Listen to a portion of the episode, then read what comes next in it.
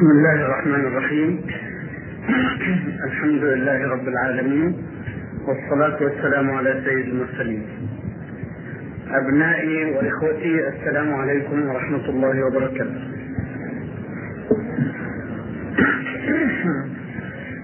أشكر لكم حضوركم وأشكر للنادي دعوته وإن كنت حقا مشغولا لكني لا أستطيع أن أنشغل عن دعوة هذا النادي فإن لي معه صداقة قديمة متجددة. وفي الموضوع الذي اختاره النادي لأتحدث فيه أحب أن أقر بادئ ذي بدء أنني أصبحت ولله الحمد أميا لا أقرأ ولا أكتب. ف... فله... ومع ذلك يريدونني أن أتحدث عن أزمة الفكر. وإني لأذكر أياما في صدر الشباب كنت أخصص فيها عطلة الصيف للقراءة وكنت أعتبر اليوم الذي يمر دون أن أقرأ فيه كتيبا أو مئة صفحة على الأقل من كتاب كبير يوما ضائعا من عمري. ولكني أصبحت اليوم لأسباب كثيرة منها جامعة أم القرى ولا شك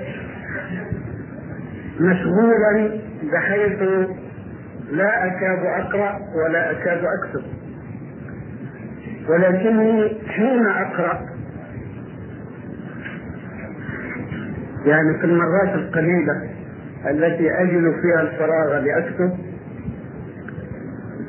أجد هذه العجيبة المتكررة أن ما يكتب في الصحف وما يكتب في كثير من الكتب كأنه ليس صادرا من العالم الإسلامي.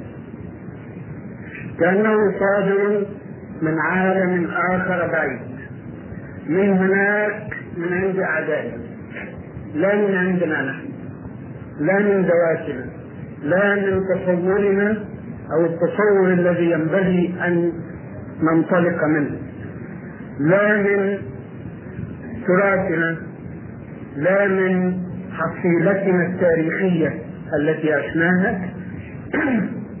ولكني أقرأ أفكارا مترجمة. وفي كثير من الأحيان عبارات مترجمة أيضا. تنقصها فصاحة اللغة العربية فما الذي أصابنا بهذا؟ ما الذي أدى بنا إلى هذه الأزمة التي نمر بها ونكاد لا نحسها يعني الكاتب الصحفي الذي يكتب ما يكتب والمؤلف الذي يؤلف في التاريخ أو الجغرافيا أو الاقتصاد أو الفن أو الأدب أو الاجتماع أو السياسة. ويكتب هذه الأفكار التي تلقاها من غير المسلمين ثم صاغها بلغة عربية سليمة أو ركيكه هذا الكاتب أو هذا الصحفي لا يحس بأنه قد أتى بشيء مخالف لما ينبغي أو على الأقل خلاف الأولى. إنما هذا هو تيار الفكر الذي يسري في فكره هو فهو يعبر عنه.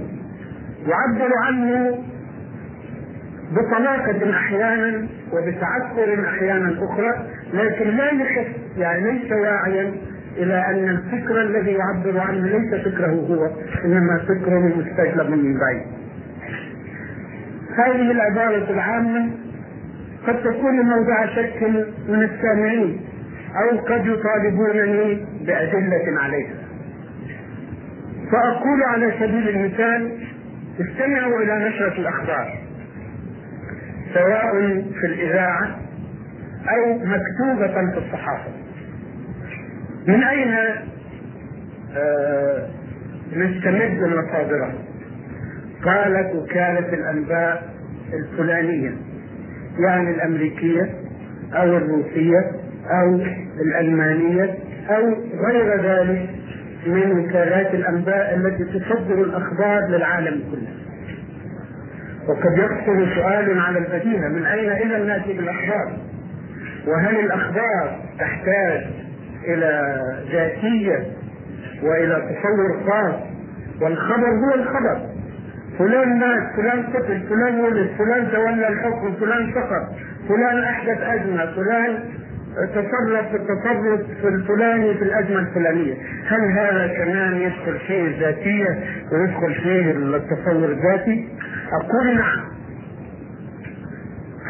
إن الخبر هو الخبر لكن تقديم الخبر هو الذاتيه. وليس أدل على ذلك من أن الخبر الواحد تسمعه من روسيا ومن أمريكا بطريقتين مختلفتين. هو كخبر كمعلومات هو هو. لكن يقدم له العالم الغربي بطريقة ويقدم له العالم الشرقي بطريقة أخرى. لأن كل منهما ينطلق من منطلق ذاتي. يرصد الخبر من زاويته الخاصة من زاوية تأثيره عليه من زاوية رؤيته. فيراه عدلا أو ظلما يراه حقا أو عدوانا من الزاويه التي ينطلق منها. أما نحن حين نترجم نشرة الأخبار وننشرها إما في الصحافة وإما في الإذاعة فماذا نصنع فيها؟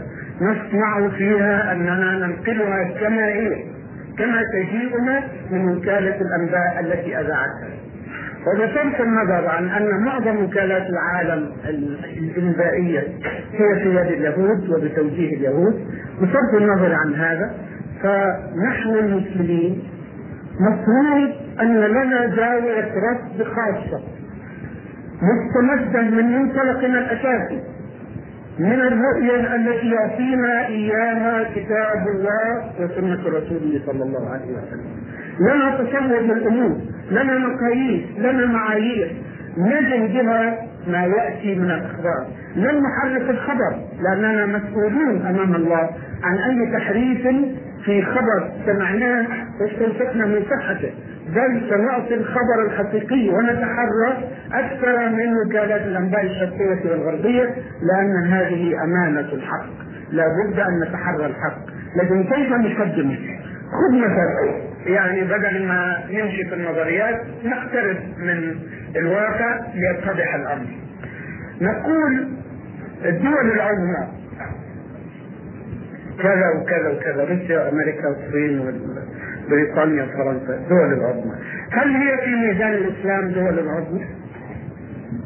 نحن نكرر هذا يوميا كلما جاءت المناسبة وخاصة إذا كان الأمر معروضا في مجلس الأمن نقول إنه الدولة الفلانية استعملت حق الفيتو المعطى للدول العظمى في ميزان الإسلام ما هي؟ في نظام الإسلام هي امم جاهليه طاغيه تظلم البشر وتستيقظ على حقوقهم وتتضخم من دماء الناس المظلومين. هذه هي الرؤية الإسلامية للواقع بل قد يشاركنا أيضا غير المسلمين في هذه الرؤية. لكن حين نكتب لا نقول عن هذه الدول إنها دول جاهلية؟ إنما نسميها الدول العظمى. كما تسمي هي نفسها أو كما تفرض نفسها علينا. ونتقبل هذا ونذيعه ونكرره ونرسخه في اذهان أبنائنا الذين يقرؤون صحفنا أو يقرؤون كتبنا فيأخذونه كأنه أمر واقع. إذا كانت هذه الدول العظمى فلماذا يسعى الشاب المؤمن إلى الانتقاص من وجودها ما دامت دولة عظمى ما دمنا نحن الذين نوجهه نقول له إنها دولة عظمى. ما الإحساس الذي يحسه نحوها؟ هو إحساس التوقير هو إحساس الاحترام هو إحساس بالضآلة أمام تلك القوى العظمى. إذا ما السبيل؟ السبيل أن نقتفي أثرها. لا يلتفت آه، صاحب النشرة الخبرية إلى الأثر الذي تلقيه في النهاية. حين نقول الدول العظمى الدول العظمى الدول العظمى ولا نسميها بالمسمى الرباني. أفحكم الجاهلية يبغون؟ ومن أحسن من الله حكما لقوم يوقنون. فالحكم نوعان فقط لا ثالث له إما حكم الله وإما حكم الجاهلية. وهذه التي تسمى الدول العظمى لا تحكم منها عند الله. فهي أمم جاهلية بشهادة الله وبالتعريف الرباني له. لما حين نقول نحن حين تكون لنا نشرة أخبار إسلامية. سنقول الوقائع كما هي بل سنسعى أن نكون دقيقين جدا في نقل الوقائع. لكن تقديم هذه الوقائع للناس حين ينطلق من المنطلق الإسلامي ينعكس في نفس السامع أو القارئ أثر مختلف تماما عن الأثر الذي ينعكس في نفسه ونحن نوالي القول له إن هذه هي الدول العظمى، هذه هي الدول الكبرى، هذه هي الدول المتحضرة، هذه هي الدول المتمدنة إلى آخر ما نصف به هذه الدول. لا نحس بمسؤوليتنا لأننا كما قلت نعيش هذه الأزمة دون أن نعيها. نجري تجار الفكر الغربي في أذهاننا وعلى ألسنتنا وعلى أقلامنا دون أن نحس أننا ارتكبنا شيئا ادا في حين أنه لو أننا نحس بذاتنا لو ننطلق من منطلقنا الحقيقي الذي يجب أن ننطلق منه وهو المنطلق الإسلامي المستمد من كتاب الله وسنة رسوله صلى الله عليه وسلم. سنرى الواقع على غير الصورة التي نراها بها الآن وسنقدمها لأبنائها على غير ما نقدمها به الآن. هذا نموذج. نموذج واحد متكرر في اليوم. خمس مرات أو عشر مرات أو مائة مرة أو ما شئت من العدد في الصحف في المجلات في الإذاعات خذ التآليف. أعودك أعترف أنني صرت قليل القراءة ولا حول ولا قوة إلا بالله العلي العظيم. لكن الذي أقرأه القليل الذي أقرأه قليلا ما أجد فيه الروح الإسلامية. التي ينبغي أن أجدها كفرد مسلم في مجتمع مسلم في ما يكتب وما يقال وما يذاع ندرس لابنائنا في الجامعات مواد منهجية. ندرس لهم تربيه فأي أنواع التربية أو أي نظريات التربية ندرس لهم في الجامعات. العالم الغربي الفلاني الأمريكي قال كذا الإنجليزي قال كذا الفرنسي قال كذا الألماني قال كذا وفي البلاد التي تفتح بابها للشيطان الآخر شيطان الاشتراكية تقول العالم الاشتراكي الفلاني قال كذا في التربية. أين العالم المسلم؟ الذي ينبغي أن يؤخذ من فمه ومن قلمه مواد التربية ومنهج التربية. طبعا المنهج هو في كتاب الله هذه بديهية. منهج التربية الإسلامية هو في كتاب الله وفي سنة رسوله صلى الله عليه وسلم. لكن نحتاج أن نستخلصها ونحتاج أن نقدمها في صورة نظريات أو في صورة مناهج أو في صورة مفاهيم حتى إذا درسنا لأبنائنا مادة التربية يجد الطالب نفسه يعيش في الجو الإسلامي.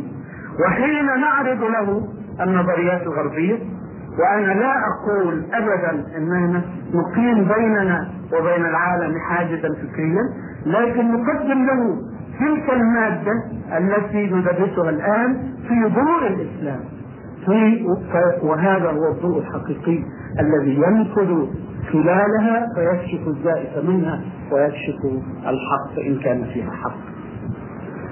ندرس لأبنائنا التاريخ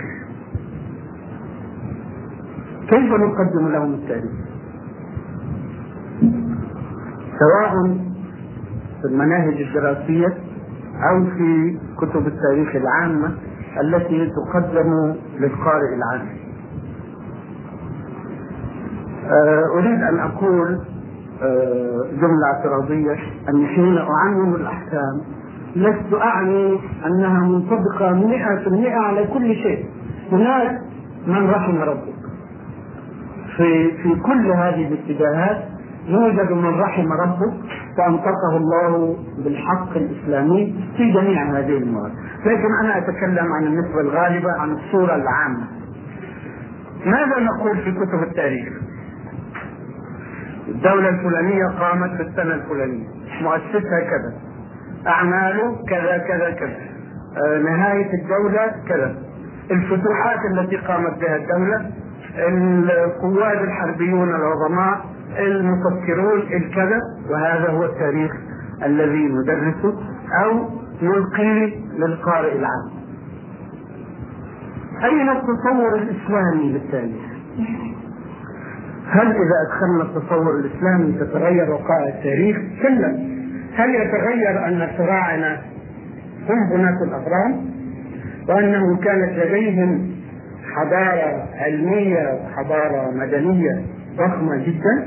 لا لا يتغير. لكن ما الذي يتغير حين ننظر إلى هذه الواقعة وغيرها؟ من زاوية الرصد الإسلامية ونعبر عنها التعبير الإسلامي. الفراعنة كانت لهم حضارة مادية ضخمة. وما من جاء؟ معلش سبقت نفسي شوي. آه لكن هي في تسمية الله ماذا؟ الفترة الفرعونية، الفترة اليونانية، الفترة الرومانية، الفترة الكذا حتى جاهلية القرن العشرين. ما اسمها في كتاب الله؟ كيف نصفها الوصف الرباني؟ إنها جاهليات هذا أمر مفروض منه ما من جاهلية في التاريخ إلا وحوت علما وما من جاهلية في التاريخ إلا كان فيها أشخاص بارزون أدوا دورا ما في حياة البشرية وخلفوا آثارا لكن بما نزل نحن المسلمين هذه الحضارات وهؤلاء الأشخاص وتلك الآثار التي خلفوها. الهرم موجود ما زال موجودا منذ أربعين قرنا كما كان كما قال نابليون. ما دلالة الهرم؟ تقدم علمي تكنولوجي بتعبيرنا الحديث وفي الوقت ذاته ضلالة إنسانية كبرى تعبد بشرا أو تعبد صنما من دون الله حين نقدم هذه الحضارة من وجهة النظر الإسلامية لن أغير في وقائعها ولن أبخس الفراعنة تقدمهم العلمي وتقدمهم التكنولوجي. لقد وصل الفراعنة في فن الكيمياء إلى منذ خمسة آلاف سنة وسبعة آلاف سنة ما تزال لامعة كأن الناقش نزل منها الآن. تقدم علمي ضخم جدا. كان الفراعنة في ذلك الوقت البعيد يقومون بعملية فربنة في المخ قبل أربعة آلاف سنة كما ثبت من مومياءات ما تزال محفوظ لن نبخسهم هذه الأشياء؟ لأنه أمانة وحق أن نقول عنهم كل شيء. لكن لماذا نغفل القيمة الكبرى التي ينبني عليها وجود الإنسان في الأرض؟ هل هو صحيح أم غير صحيح؟ ثم ينبني عليها مقامه في الآخرة. أيهما أهم؟ هل هذه الحضارة المادية الاخاذه في مظاهرها أم مصير الإنسان في دنياه وفي آخرته؟ فأما في دنياه فهو مستعبد لبشر مثله يقول عنه إنه إله وابن إله ويقدم له بالفعل شعائر التعبد من سجود وركوع وقرابين. ومصيره في الآخرة هو المصير الذي حدثنا عنه أخبرنا به كتاب الله سبحانه وتعالى على لسان يوسف عليه السلام. إني تركت مله قوم لا يؤمنون بالله وهم بالآخرة هم كافرون. واتبعت ملة آبائي إبراهيم وإسماعيل وإسحاق. هم؟ وإسحاق ويعقوب. آه هنا ملاحظة قد تستدعي تعليقا. الفراعنة كانوا يعرفون شيئا كثيرا جدا عن الآخرة وكتاب الموتى مملوء بوصف دقيق جدا للحساب والجزاء كأنه مأخوذ بل هو يقينا مأخوذ من مصدر ربنا.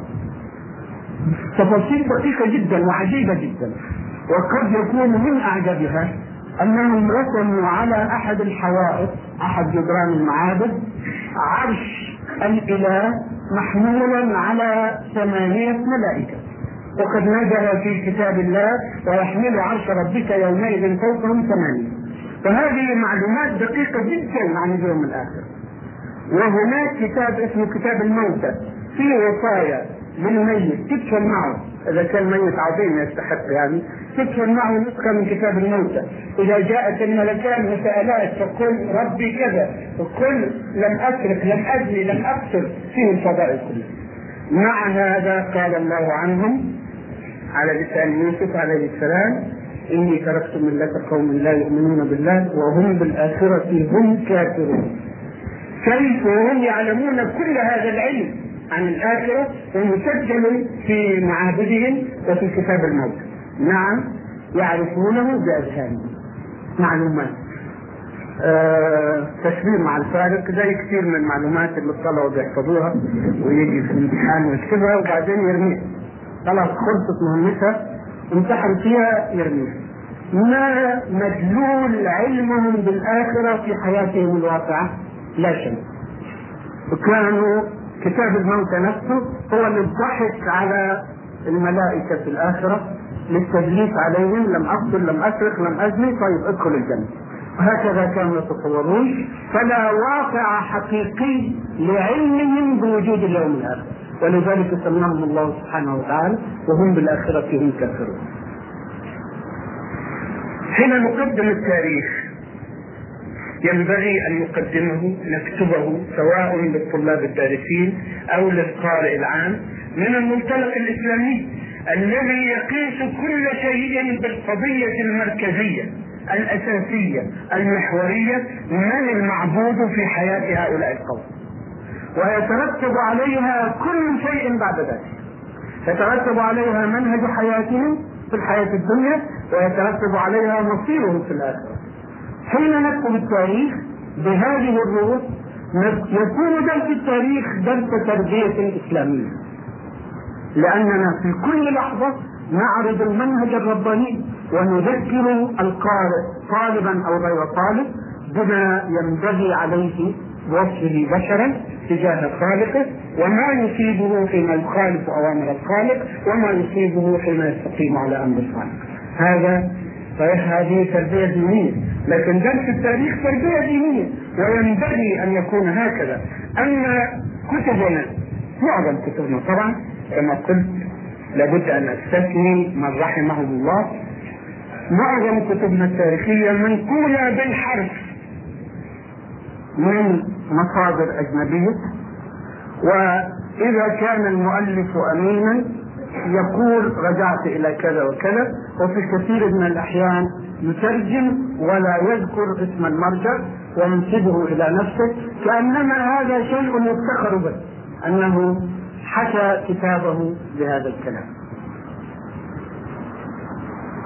حين ندرس العلوم أو نكتبها للقارئ العام.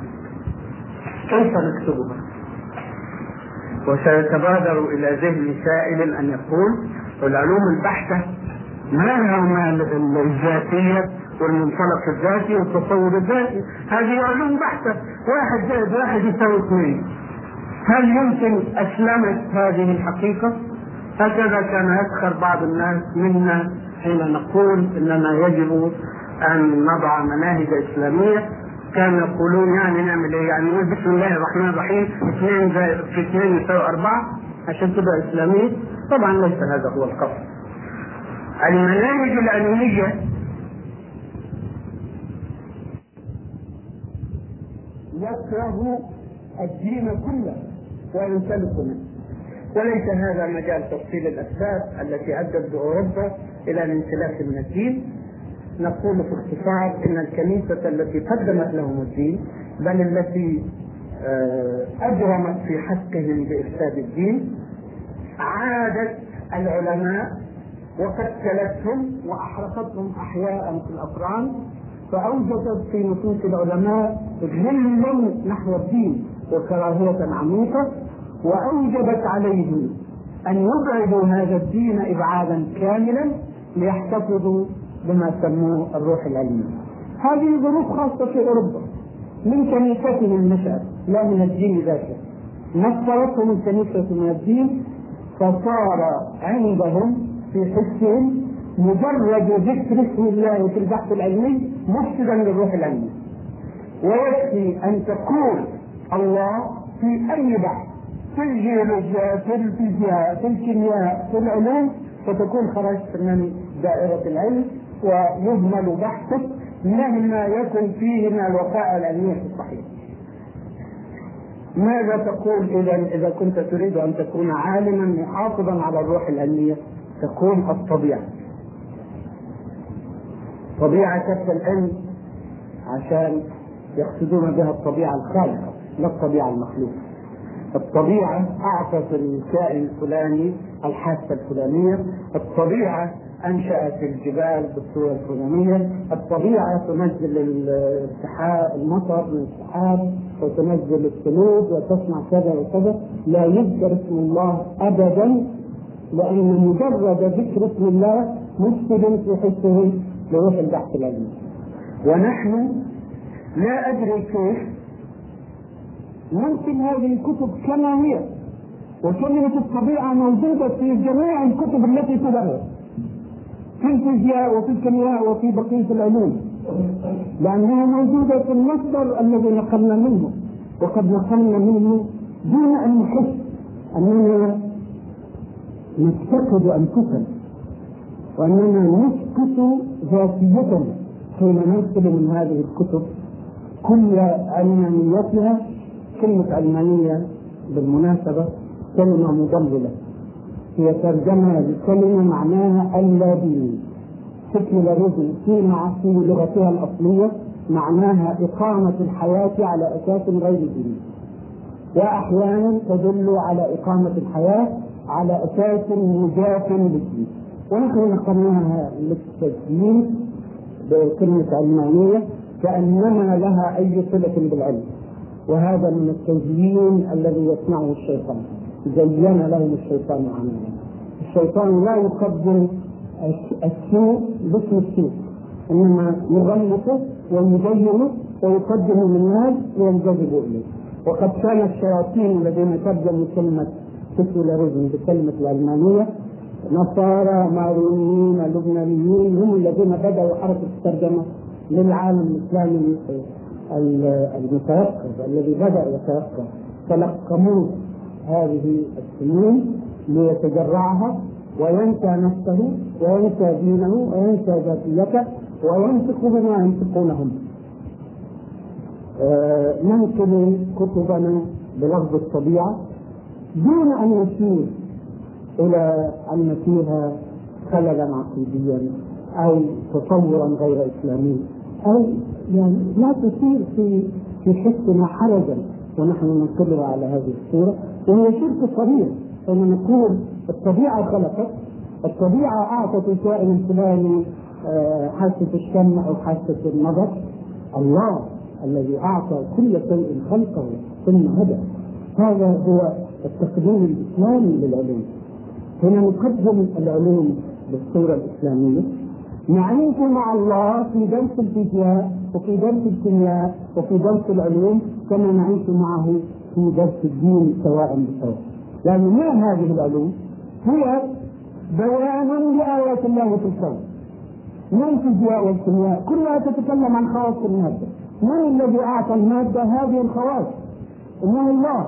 وأعطى الله هذه المواد تلك الخواص لحكمة يعلمها ويكشف لنا أحيانا عن طرف منها فلولا أنها كانت على هذه الصورة ما أمكن قيام الحياة البشرية على الأرض ولا قيام الخليفة بمهمة الخلافة.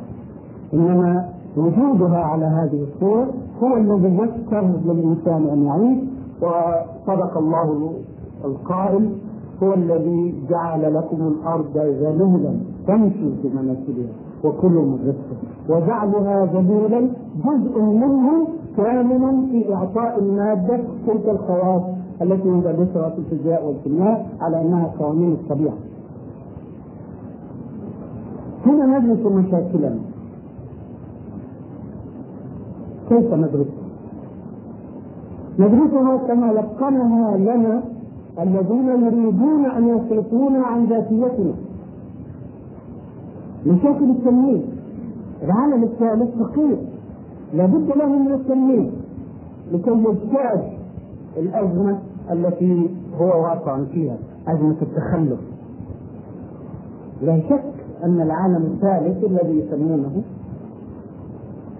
عشان يضحكوا عليه يسموه عالم بس حطوا له مثلات و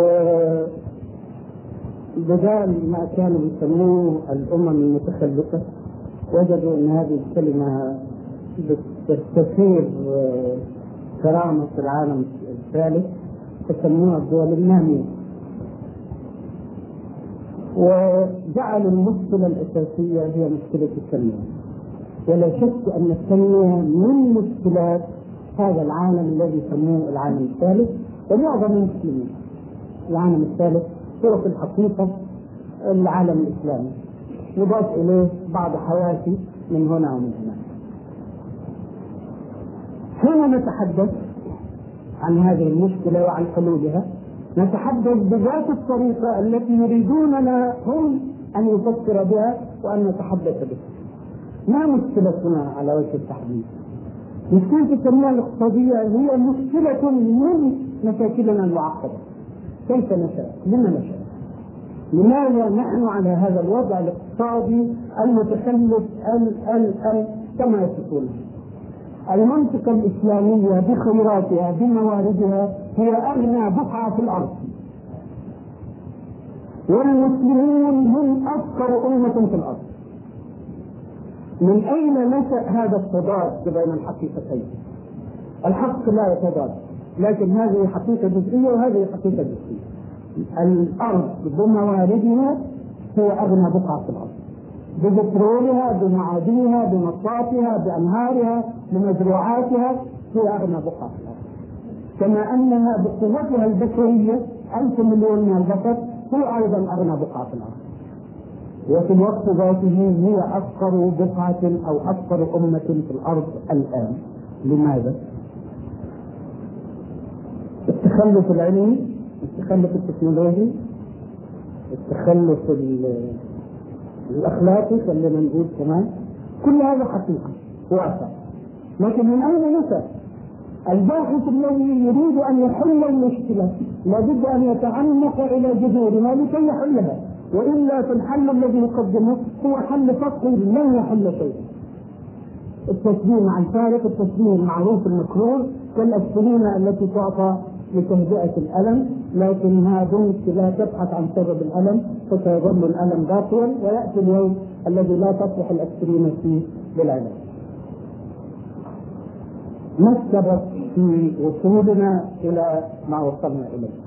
هل كانت هذه الأمة يوم أخرجها الله سبحانه وتعالى يوم قال في كتابه المنزل كنتم خير أمة أخرجت للناس تأمرون بالمعروف وتنهون عن المنكر وتؤمنون بالله هل كانت على هذه الصورة التي هي عليها الآن؟ يوم قال الله سبحانه وكذلك جعلناكم أمة وسطا لتكونوا شهداء على الناس ويكون الرسول عليكم شهيدا. يوم قال يوم أنزل وعده الصادق وعد الله الذين آمنوا منكم وعملوا الصالحات لا يستخلفنهم في الأرض كما استخلف الذين من قبلهم وليمكنن لهم دينهم الذي ارتضى لهم وليبدلنهم من بعد خوفهم أمنا يعبدونني لا يشركون بي شيئا. هل كانت الأمة حين تلقت هذا الوعد الرباني وحين شهد لها خالقها سبحانه بانها خير أمة في الوجود البشري كله في التاريخ البشري كله، هل كانت على هذه الصورة التي نحن عليها اليوم؟ قطعا لا.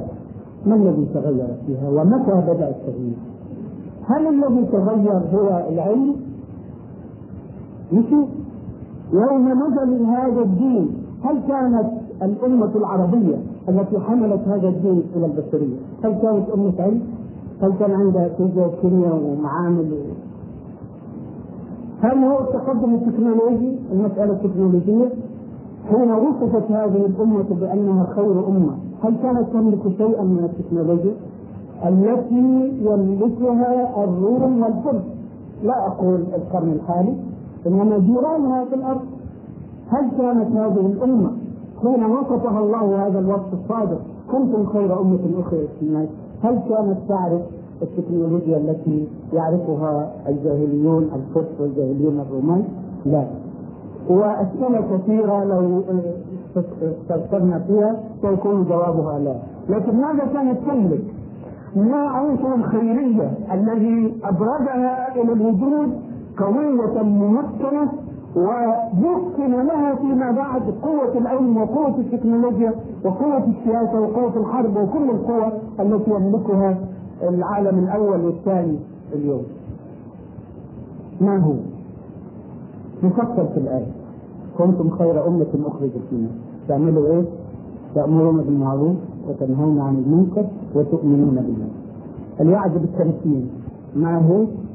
وعد الله الذين آمنوا منكم وعملوا الصالحات ليستخلفنهم في الأرض كما استخلف الذين من قبلهم وليمكنن لهم دينهم الذي ارتضى لهم وليبدلنهم من بعد خوفهم أمنا يعبدونني لا يشركون بي شيئا.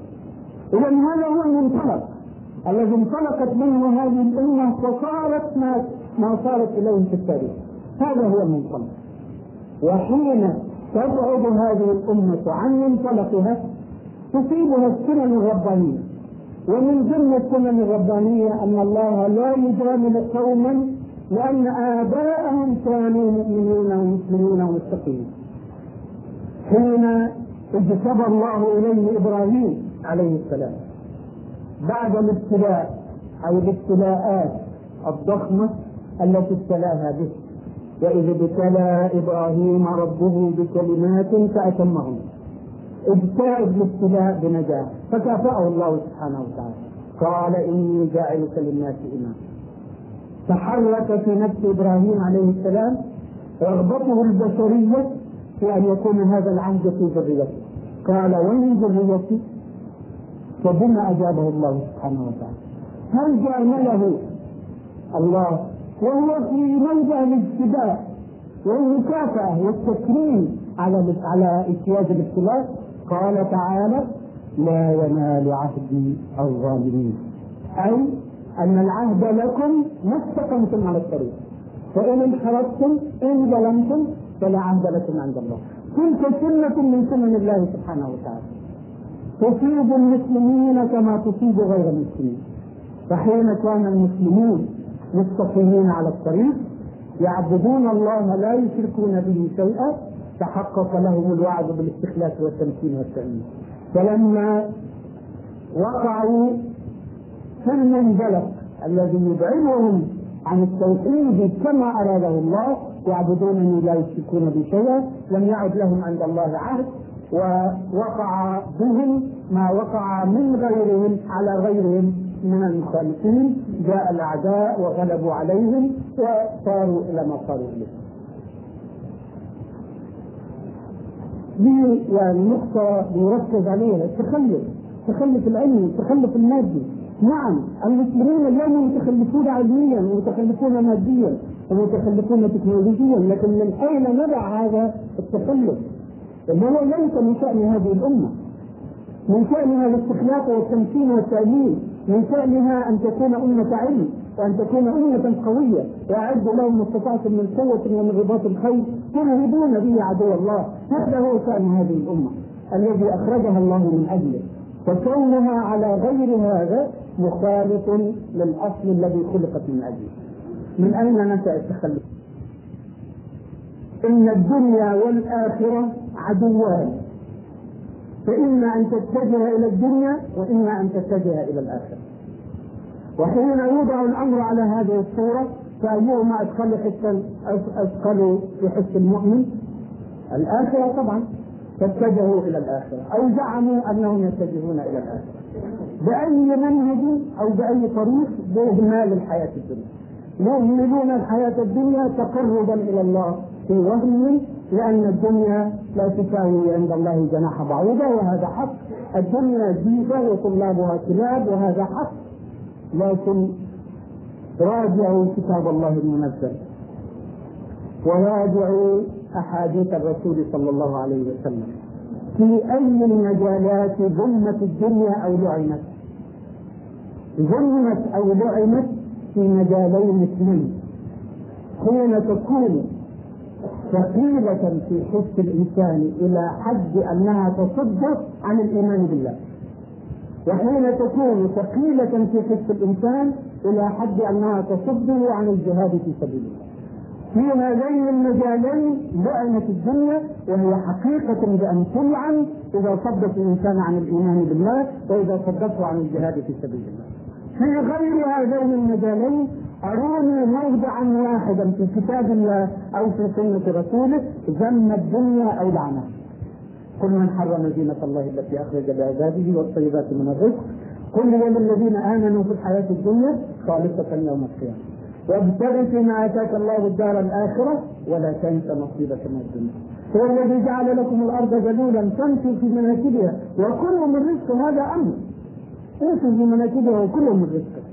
حين جاءت الصوفية المنحرفة وحرفت الناس عن الطريق السليم وقالت لهم لكي تتقربوا إلى الله اسعوا إلى الآخرة بالعبادة بالتهجد بالذكر بالمتابعة يسهر طول الليل يقول هو هو هو. ما عرفش بيقولوا ويترك الحياة الدنيا يترك العمارة التي كلف الإنسان بها.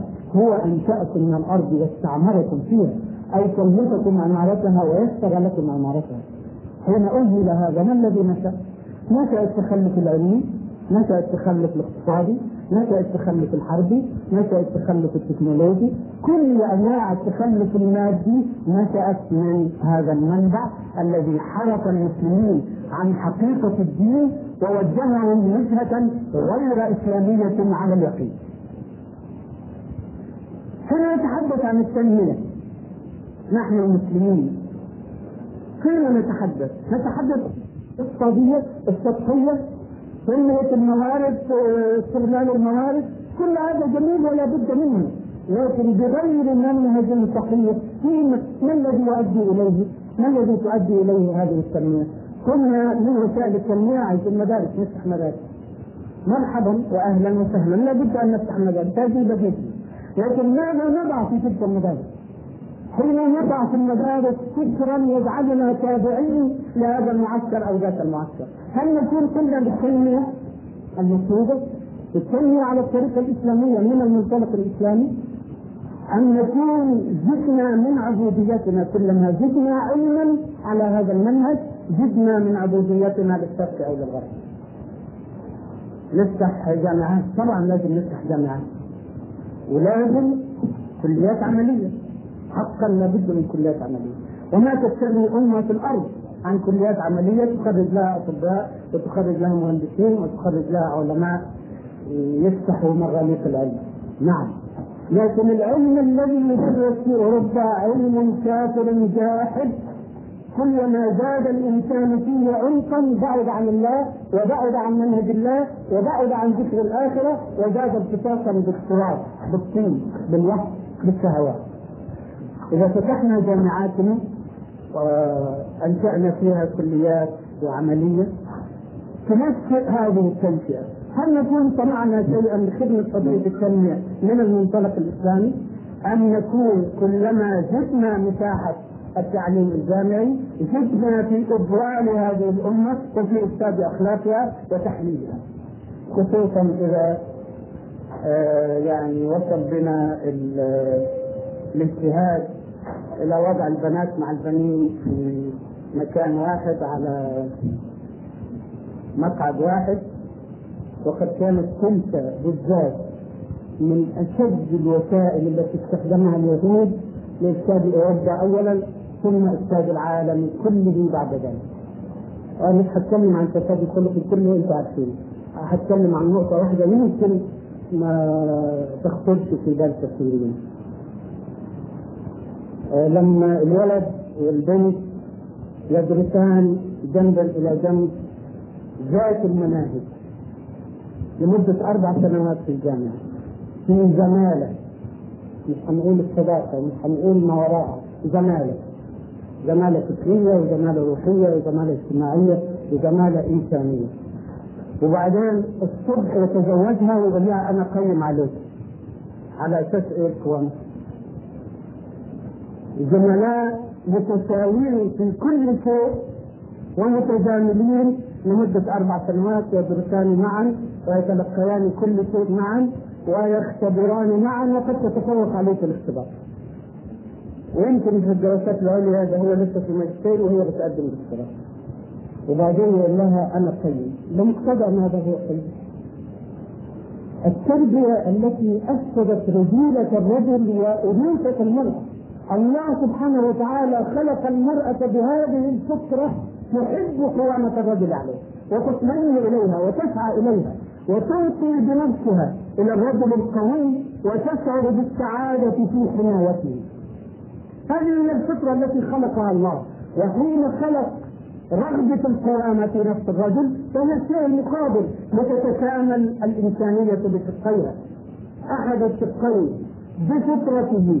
ميال إلى القوامة وقادر عليها والشق الآخر راغب في قوامة الطرف الآخر عليه وسعيد بها ومطمئن به يحدث السكون السكن الطمأنينة التي جعلها الله من آياته التي يمن بها على عباده ومن آياته أن خلق لكم من أنفسكم أزواجا لتسكنوا إليها وجعل بينكم مودة ورحمة.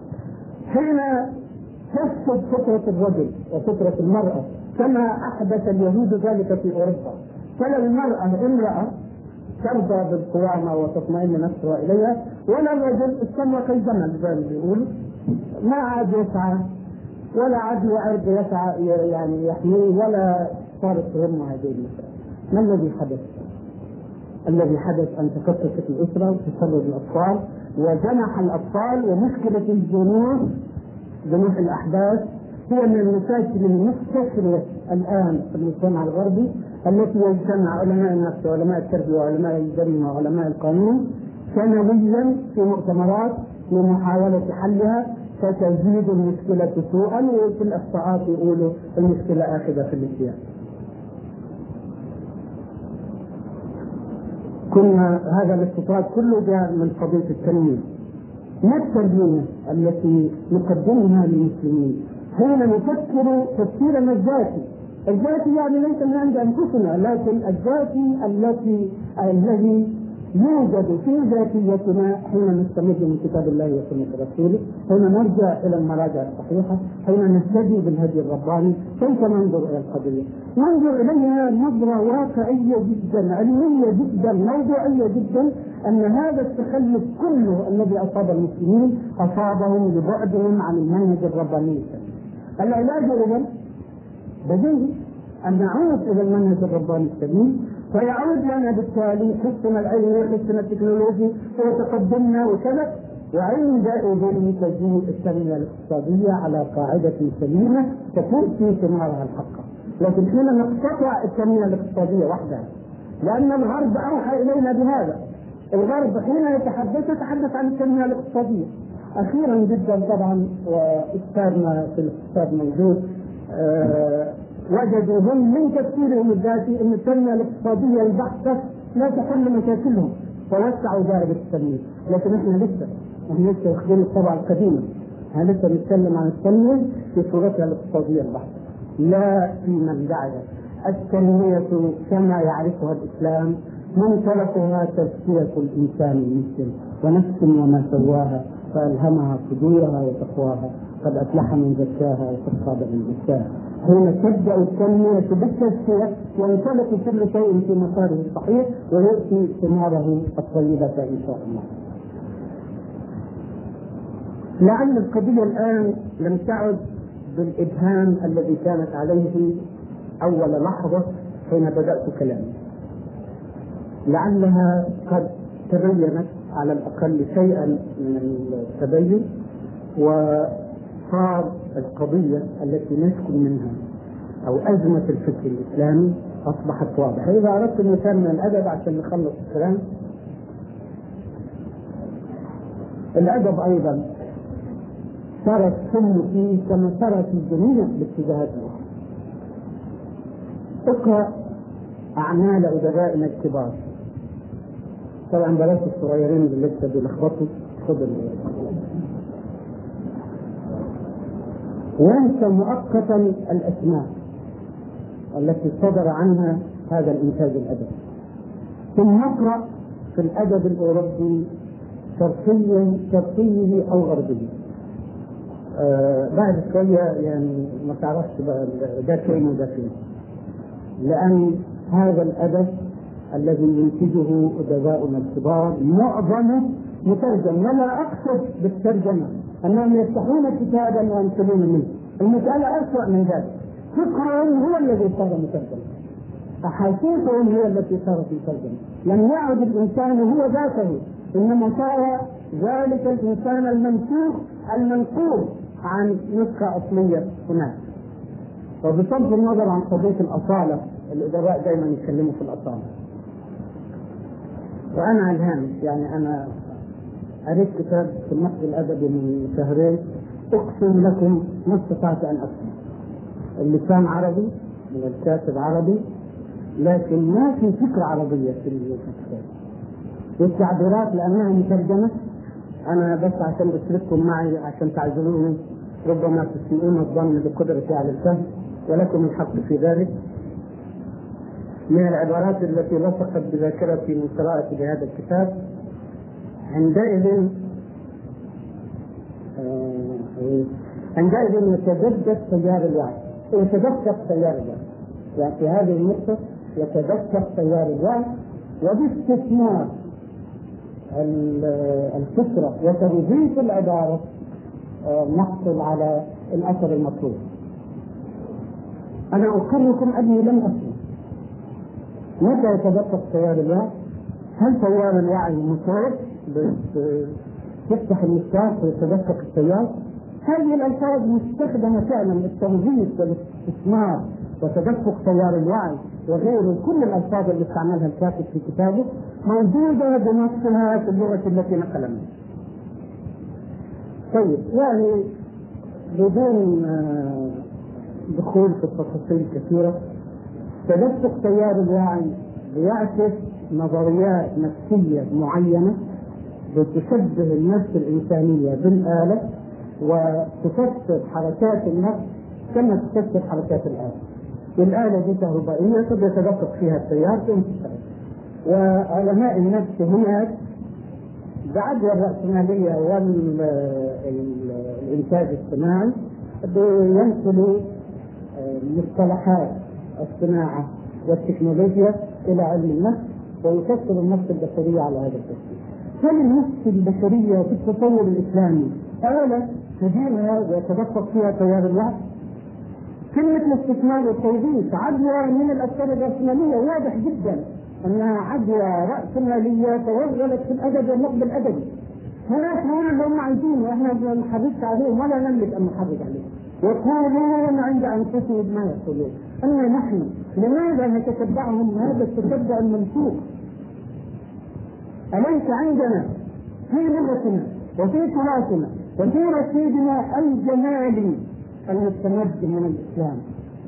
ولكم فيها جمال حين تريحون وحين تفرحون. كتاب الله موجه إلى الجمال حتى في الأنعام التي هي مظنة الفائدة المادية وحدها. موجه النظر إلى الجمال لأن هذا الكون جميل خلقه الله جميلا وخلق في النفس البشرية حاسة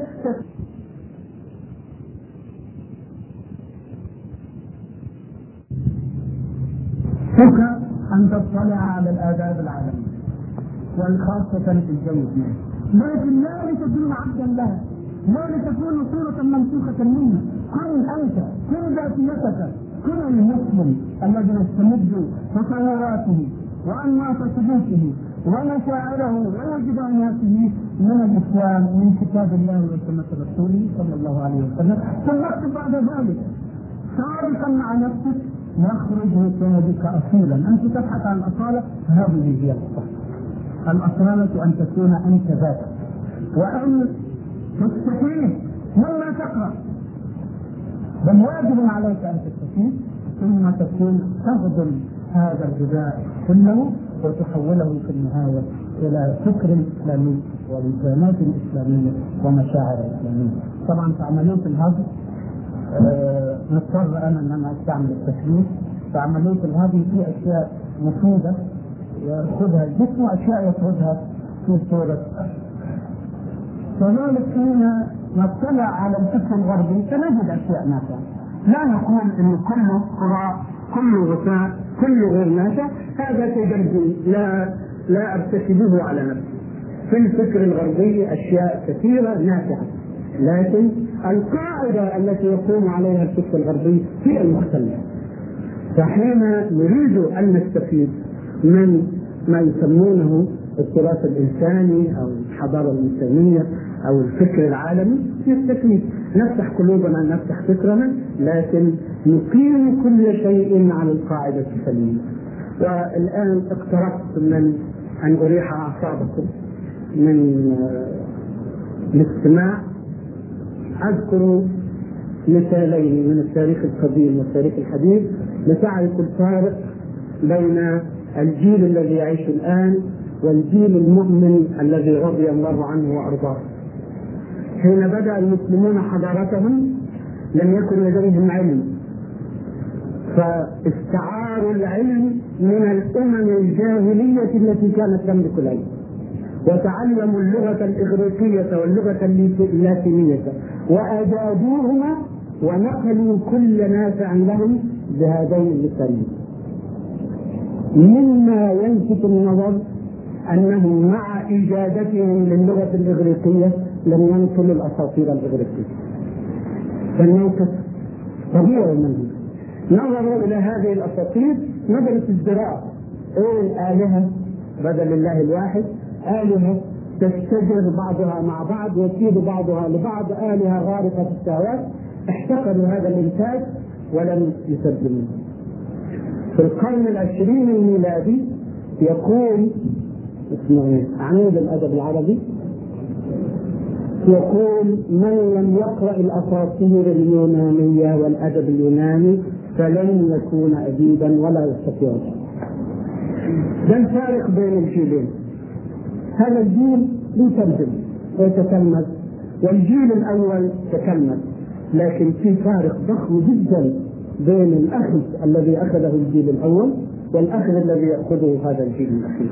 كان الجيل الأول مستعليا بالإيمان. ولا تهنوا ولا تحزنوا وأنتم الأعلون إن كنتم مؤمنين.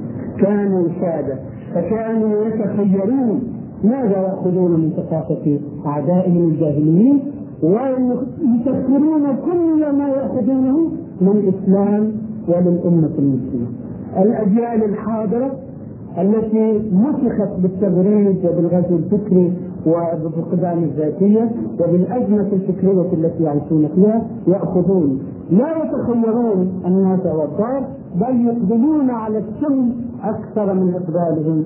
على ما فيه بعض سريات هذا السم وانظروا في حركة الترجمة كم كتابا علميا ترجم وكم مسرحية متحللة ترجمت وأذيعت ومثلت أكتفي بهذا القدر وأرجو أن أكون قد أبنت عن شيء مما في صدري وشكر الله لكم. والسلام عليكم ورحمة الله وبركاته. آه شكرا لصاحب الفضيلة الأستاذ الكبير محمد قطب.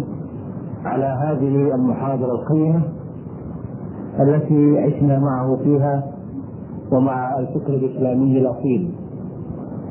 وقبل أن أبدأ في توجيه الأسئلة إلى فضيلة المفكر الأستاذ محمد قطب أود من الإخوة الذين يتابعوننا الآن من داخل النادي عن طريق التلفزيون باعتبار أن قاعة المحاضرات قد امتلأت ووزعوا على قاعات يتلقون هذه المحاضرة عن طريق التلفزيون أن يكتبوا أسئلتهم ثم تأتي هذه الأسئلة إلينا لنوجهها إلى سماحة أو فضيلة الشيخ محمد قطب وأذكركم أيضا أنه في يوم غد لنا موعد في مثل هذا المساء يوم غد مع سماحة الشيخ أبو الحسن الندوي في محاضرة قيمة إن شاء الله عن الإسلام والحضارة الإنسانية.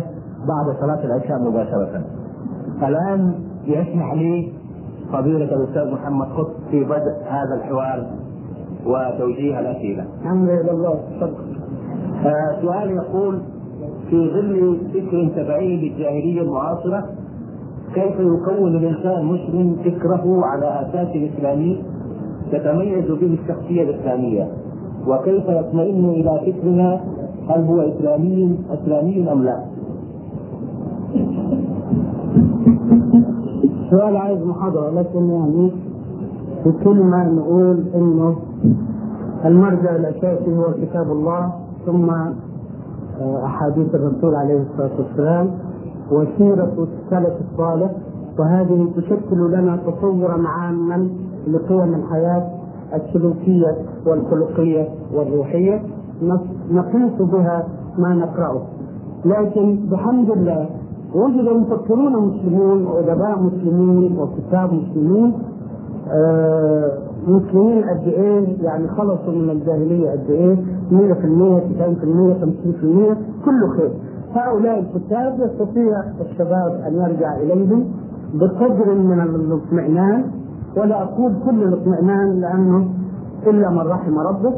فإذا اغترفوا من هذا المعين الإسلامي الصعب بقدر الإمكان يستطيعون أن يجنوا لانفسهم لأنفسهم مدى انحراف الفكر الآخر ويكونون رقباء على أنفسهم. والله المستعان.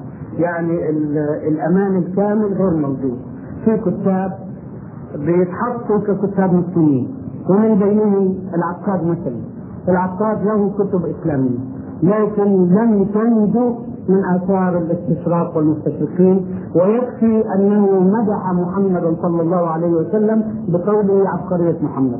والرسول لا يمدح بقوله إنه عبقري لأن النبوة والرسالة فوق العبقريه فهذا أثر من آثار الفكر الاستشراقي في كتب العبقري.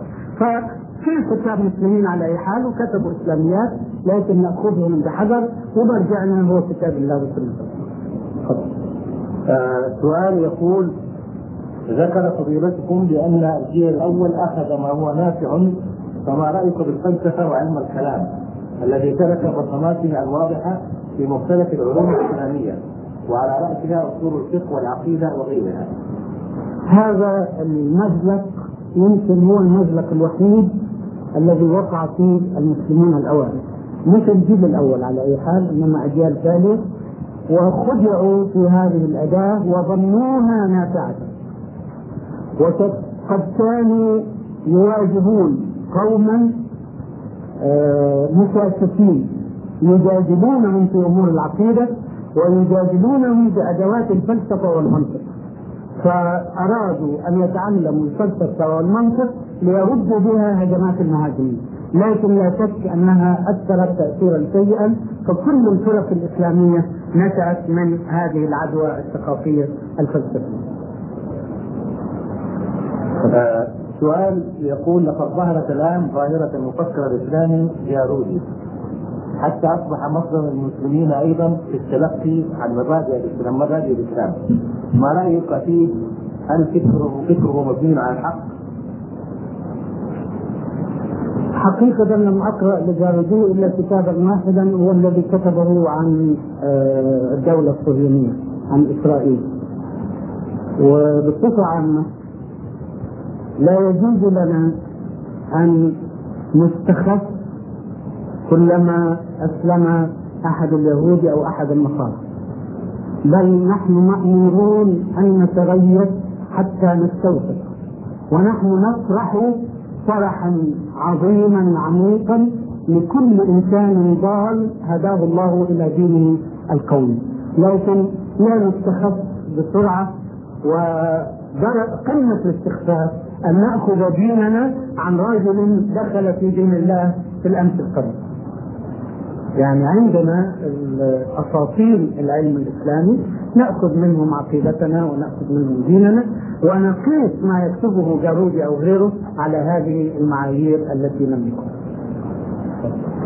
آه هذه بعض الأسئلة ذكرها أحد الإخوة الحضور آه نختار منها هذا السؤال هل القوانين الطبيعية والعلوم البحتة والقوانين آه بدراسة الظواهر الإنسانية الاجتماع والاقتصاد هل هذه القوانين حيادية بمعنى أنها مجرد أداة تستخدم لهذا أو لذاك أم أنها مرتبطه بتصورات معينة؟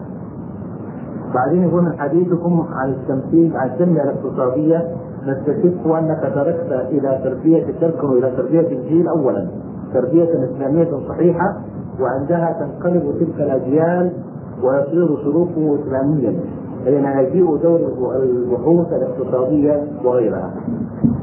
فهل معنى هذا أننا نوقف البحث في هذه المجالات حتى نبني مجتمع إسلاميا أم نمشي مع أبناء المجتمع تربيته في بناء هذه المؤسسات الاقتصادية وغيرها أو أكرمتها كما يقولون نريد من فضيلتكم مشكورا توضيح هذه النقاط وشكرا لكم. حاضر ال- النقطة الأولانية فكرني بها.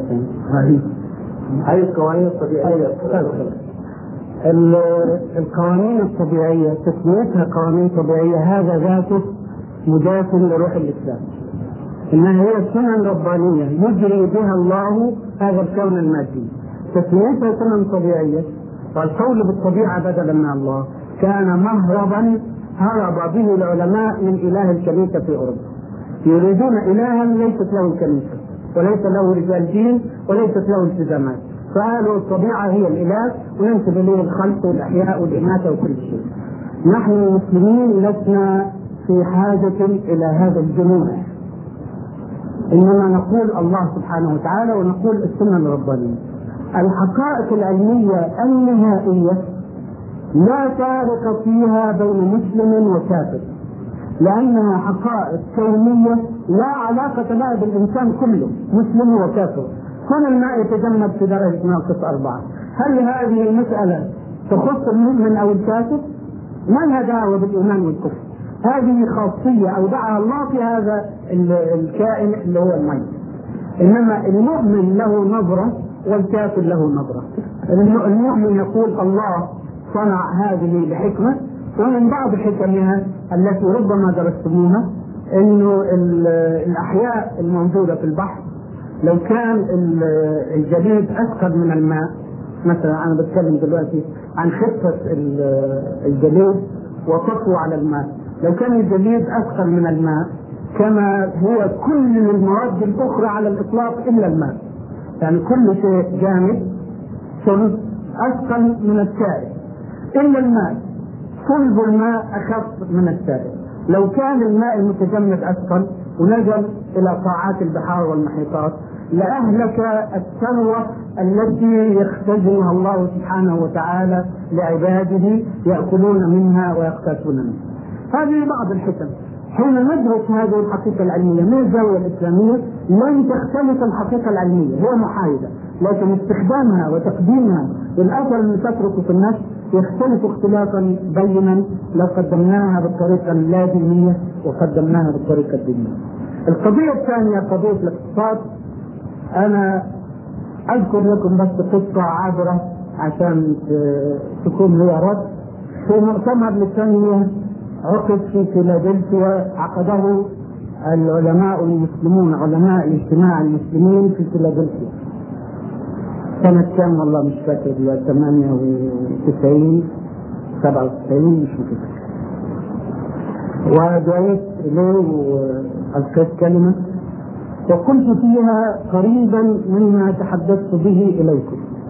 وفي أثناء الكلمة لأني أعلم رد الفعل قلت وليس معنى هذا أن نوقف العمليات الاقتصادية وعمليات التنمية حتى يتم تصحيح العقيدة. فالمعدات الخاوية لابد لها من طعام ولا بد أن نسير في الأمرين معا ولكن الأولوية ليست أولوية زمنية إنما أولوية أولوية أهمية. ما الذي نركز عليه أكثر؟ ما الذي نعطيه الجهد الأكثر؟ ومع ذلك قام واحد بس لسه كان شوي آه، قال لي يعني بقى نستنى لغاية ما نصحح عقائد الناس والناس تموت من مع أني أشرت إلى هذا نصا. لكني أعرف كيف تنتشر الأفكار حين تخرج من عقل إلى عقل كظاهره انتشار الضوء تماما تنتشر في الوسط وتؤدي معنى غير الذي أراده المتكلم. أنا احسن الظن بالسائل لأني لم أشرح له هذه القضية فأشرحها الآن فاقول لن نغلق المدارس بإذن الله ولن نغلق المصانع ولن نتوقف لحظة واحدة عن التنميه الاقتصادية بمعناها الاصطلاحي الضيق لأننا لو فعلنا نموت جوعا في الحال إنما نوجه اهتمامنا في ذات الوقت وبقدر أكبر إلى إنشاء مجتمع مسلم يستفيد من هذه التنمية فائدة أخرى غير المجتمع العلمي. آه، سؤال يقول فضيلة الأستاذ كيف يفعل الدارس أو الباحث في التاريخ الإسلامي عندما تواجهه المصادر القديمة بروايات لا تتفق مع روح الإسلام هل يستطيع الباحث تجاهل النصوص ومن أين يأتي بمصادر أخرى وشكرا. الباحث إذا كان على قد طالب جامعي أو طالب ماجستير أمره إلى الله مش هيقدر يعمل حاجة. لكن الباحث على مستوى أعلى اللي بيشتغل للدكتوراه يجب عليه أن يعاون في تصحيح الفكر التاريخي وعلى كتابة التاريخ من منطلق إسلامي. فين فين المصادر قد لا يجد مصادر كافية لكن يأخذ ذات المصادر الموجودة الآن يأخذ منها الوقائع ويعيد تفسير الوقائع تفسيرا اسلاميا. التاريخ ليس مجموعة وقائع ابدا.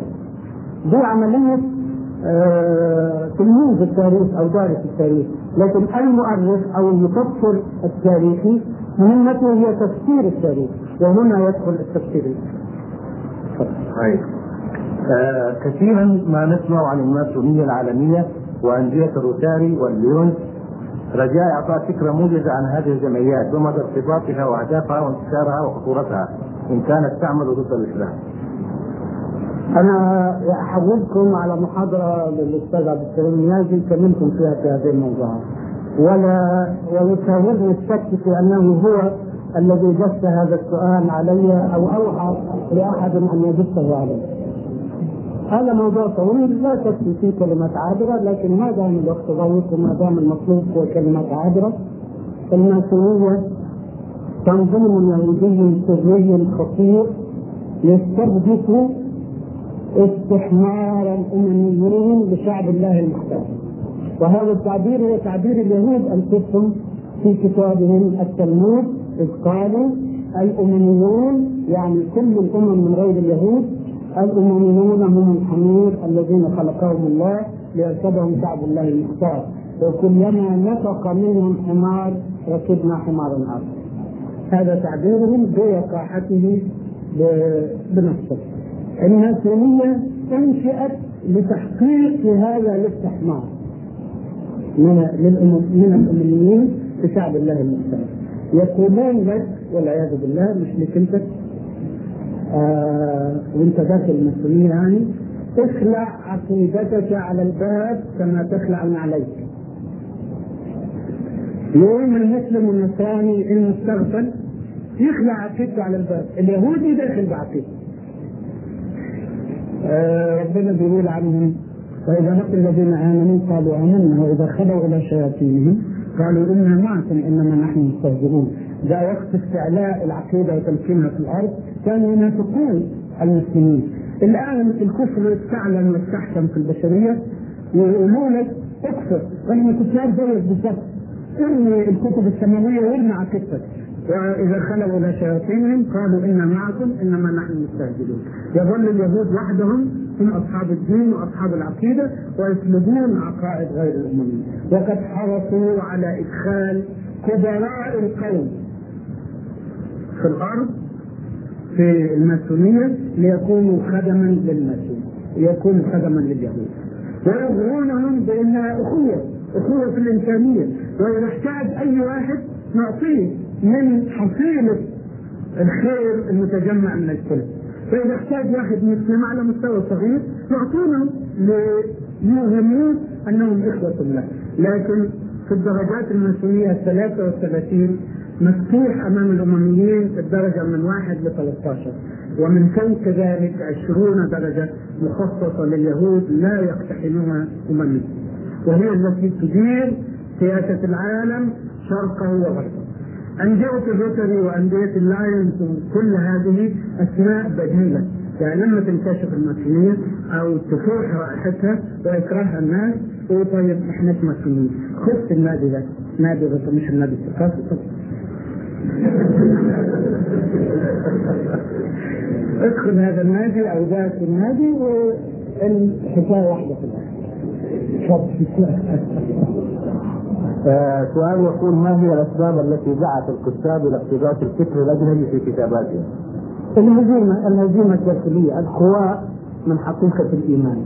لو كان للإيمان حقيقة موجودة في القلوب ما تطر ما تطلعوا إلى ما عند غيرهم وبرضه زي ما ذكرت مثال من الأساطير الإغريقية أذكر بالمناسبة مثالا آخر. لما انهزم المسلمون في الحروب الصليبية الأولى انهزموا لكن كان في عقيدة غشاها الرماد لكن الجدوى ما تزال حية. فلم يكونوا ينهزمون روحيا أمام أعدائهم. لم يكونوا ينظرون إلى أعدائهم على أنهم أعلى منهم. وكتبوا في كتبهم هؤلاء الديايين هذا تعرفهم على اي حال هؤلاء الذين لا أعراض لهم على الصليبيين. يكون الواحد منهم سائرا مع زوجته في الطريق لانهم استوطنوا في دويلات نصرانيه عاشت 200 سنة في الشام وفي مصر. يكون الإنسان منهم سائرا مع زوجته. يقابلهما صديق للزوجة فيصر الزوج على البقاء ليستمع مما يدور بينهما من حديث. فهي نفس النقطة؟ انظر كيف كانوا يشمئزون منها ويستعلون عليها يوم أن كان في قلوبهم بقية حيه من الإيمان. انظر كيف صاروا يتمنونها حين خوت قلوبهم من العقيدة الحقيقية. في الحقيقة أسئلة كثيرة ولكن مع اعتقادي بأن فضيلة الأستاذ الكبير محمد قطب جاء هنا بعد أن حاضر في قسم البنات في جامعة أم القرى. كما قرأتم من الأخبار اليوم أن لديه محاضرة بعد صلاة المغرب. ثم فرغ منها وحاضر عندنا هذه المحاضرة الممتعة سوف أختصر في الأسئلة بقدر الإمكان. للتصحيح هي كلية البنات. مش بتاعت كلية البنات. كلية البنات. محاضرة في كلية البنات. كل واحد على اي حال إنه يراكم هو وقبيله من حيث لا ترون. آه، فضيلة الشيخ كثيرا ما نسمع بأن جمال الدين ومحمد عبده ومحمد رشيد رضا بأنهم دعاء الإسلام. ولكن ظهر غير الحقيقة خصوصا في كتاب الإسلام والحضارة الغربية. ما رأيكم في هذه الحقائق؟ وفي هؤلاء الثلاث يعني الشيخ رشيد رضا يعني أقربهم إلى بر النجاة لعل الله ينجيه ويجيء بعده على مسافة محمد عبده وآخر الصف جمال الدين الافغاني لقد أحيط جمال الدين الافغاني محمد عبده بسياج من الهالات جعلهما في حماية من أي نفس. مسافة نصف قرن على وجه التقريب ولكن شاء الله لأمته أن تستيقظ أخيرا وأن تكشف أشياء كثيرة من حقائق حياة هذين الرجلين وتعرف عنهما ما كان خاطئا من قبل أو ما كان معلوما و آه، تغشي العيون الغاشية فلا يرونه بعيد عن محمد عبد جمال الدين الافغاني مثل من غشاوة العيون. كان سعد زغلول تكتب عنه الصحف المصرية والعياذ بالله سعد معبود الجماهير. بهذا اللفظ نصا ومعبود الجماهير هذا كان يفطر في رمضان ويتناول الخمر. ويعرف الجمهور ذلك. ثم يلتمس له المعاذير بيفطر عشان مريض وبيشرب الخمر لأنه قليل من الخمر يصلح المعدة وهو معدته تعبان. وكانت الجماهير تتقبل هذا من شدة الغاشية التي تغشي أعينها أو شدة الأضواء الباهرة اللي سلطت على سعد زغلول فابتلعت له هذه الأغلاط الجسيمه. محمد عبد جمال الدين الافغاني يعني آه وقع في أشياء وإن كانت لهم كتابات طيبة جدا تخدم الإسلام لكن على الجانب الآخر يعني جمال الدين الأفغاني يكتب كتابات إسلامية لو أخذتها وحدها تقول هذا داعيه إسلام. ثم يدعو إلى زماله الأديان واخوه الأديان. ويقول إن الدين واحد الدين واحد لكن الأديان المحرفة كيف نقول إنها واحد؟ وإنها متكاملة وما نقص من أحدهما كمل في الآخر كذا على بغير تحديد. يعني كأن الإسلام عرضة أن يكون ناقصا واكتمل في النصرانية مثلا أو اليهودية. فهذا قول لا يقول ثم إن أخوة الأديان أو زمالة الأديان قل يا أهل الكتاب لستم على شيء حتى تكونوا التوراة والإنجيل وما أنزل إليكم من ربكم. ودعا إلى محافل المسلمية وكون محفلين مسلمين وبعدين أنا اكتشفت أخيرا حكاية ما كنتش فاهمها. كان في القهوة اللي بيقعد فيها في مصر اسمها قهوة مكاسيا زالت الآن غير موجودة الآن. كانت في حي العتبة بجانب مبنى المطافي في مقهى كان هو المحل المختار لجمال الدين الأفغاني يحاضر فيه ويلقي فيه توجيهات. أنا كنت فاهم إن هذا رجل يوناني لأن معظم المقاهي في مصر فتحها اليونانيين. لكن لما قرأت أولا في كتاب روجي جارودي عن الدولة الصهيونية ثم في الكتاب غير المقدس كتاب التوراة وجدت أن مساكيا من أسماء اليهود. وعرفت شيئا كان خاطئا علي أن هذا المقهى كان مملوكا لرجل يهودي واختاره جمال الدين الأفغاني ولم يذهب إلى حي الحسين أو الأزهر حيث كان يستطيع أن يلتقي بجموع المسلمين ويحاضرهم ويوجه. اختياره لقهوه مساكيه بالذات له دلاله. محمد عبده أرجو أن يكون وزره أخف عند الله. لكن كل منهما أدى خدمة لأعداء الإسلام. جمال الدين الأفغاني جاء وأوروبا تتحيل الفرص لقتل الرجل المريض كما كانوا يسمون الخلافه العثمانية واقتتال تركته. يجيء جمال الدين الأفغاني في كل بلد يثير ثورة على دولة الخلافه لحساب من؟ يعني إن كانت بحسن نيه فهي غفلة. إن كان سوء النية فسوء نيه. كان يقول للعرب أنتم أولى بالخلافة. لماذا تتركون أهل العثمانيين؟ القول في ظاهره بالواقع لكن هل كان العرب يومئذ على الصورة التي واجهها جمال الأفغاني هل كانوا يصلحون لحمل أمانة الخلافة ونزعها من تركيا؟ لكن نزعها كان مقصودا بتشكيك العالم الإسلامي. آه جمال آه محمد عبده أبدى لكن حين نمد الخط نجد كاتبا الآن وأنا أشير إلى كاتب معين لن أذكر اسمه يقول الشريعة نزلت من مصلحة. فكل شيء يحقق المصلحة فهو جائز في شرع الله. وما دامت المصلحة لا تتحقق الآن في المعاملات الاقتصادية إلا بالربا فيجب أن نأخذ بالربا لأن الشريعة نزلت في المصلحة. ويقول هذا الكاتب إن أردنا إن إن أردنا أن نطبق حد الردة يعني على كيفنا نطبقه أو ما نطبقه؟ إحنا حرام. وإن مش إذا إن للتضعيف مش للتقويم.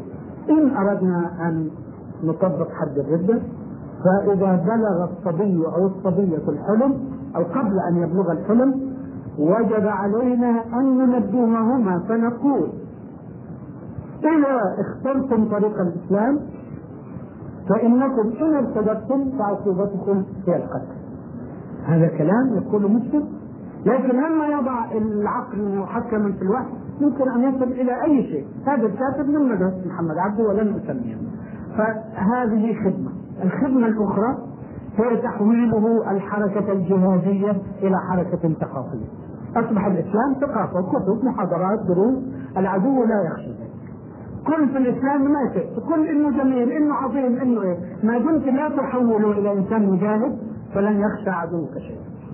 فمحمد عبده بطبيعته هو التي تكره المواجهة حول الإسلام إلى حركة ثقافية بدلا من حركة جهادية. لو لم يكن محمد عبده صنع إلا هذين فهذان هاتان خدمتان لأعداء الله. بصرف النظر عن النية من وراء ذلك. طولنا في حكاية جمال الدين محمد. هذا سؤال يقول شبه شخصي بما تفسر التشابه آه والتقارب على الاقل بين اسلوبك في التفكير والكتابة وبين طريقة الشهيد سيد قطب في التفكير والكتابة. طب أنا أعمل إيه في يعني ومتى بدا تبلور هذا الاسلوب وما هي المنابع التي كونته خاصة من ناحية استخدام العبارات والمفردات وإنني أتمنى اليوم الذي يأخذ فيه هذا الأسلوب مكانه في مناهجنا التعليمية والجامعية كطراز منفرد في النثر الأدبي. أكرمكم الله شكر الله لكم. آه طبعا. أيوه. ما أذكر بالضبط متى حصل هذا التوافق لكن أنا تلميذ أخي وهو الذي علمني على الحقيقة لا على المجاز كيف أكتب وكيف أقرأ. ثم تعلمت منه أشياء كثيرة بعد ذلك. لكن أنا أشير إلى واقع ما زلت أذكرها. آه، كنا نكتب كلانا في رمضان في أحد السنوات. على مبعدة كل منا من الآخر. يعني كل مشغول بما يكتب ولا يعلم ماذا يكتب شقيقه وانتهت الكتابة فتبادلنا ما نكتب وكان عجبي وعجبه شديدا أننا كأننا كنا نعيش موضوعا متقاربا ووردت فيه عبارات متقاربة. فهذا يعني أمر من عند الله سبحانه وتعالى فوق التأثر الذاتي الذي تأثرته منه رحمه الله. الحمد لله. آه قبل أن اوجه السؤال الاخير هو لسه في في هذا اللقاء سؤال أخير وبقية الأسئلة نعد في لقاء آخر نقدمها لفضيلته. أود أن أقول أن أننا في هذه الأمسية فقدنا وجود صاحب السعادة الاديب الكبير الاستاذ إبراهيم فودة بسبب الوعكه الشديدة التي ألمت به في هذه الأمسية. ونسأل الله له الشفاء. ونسأل الله لجميع مرضى المسلمين الشفاء إن شاء الله. السؤال إلى أي اتجاه يهدف أنصار الوضعية المنطقية؟ وما هو منطلقه وغايته؟ مع الشكر. حتى كنت تجيب في الأول خالص كان لسه كده الوضعية. ولا إيه؟ أيوه الوضعيه بوزيتيفيزم مذهب آه، آه، كان.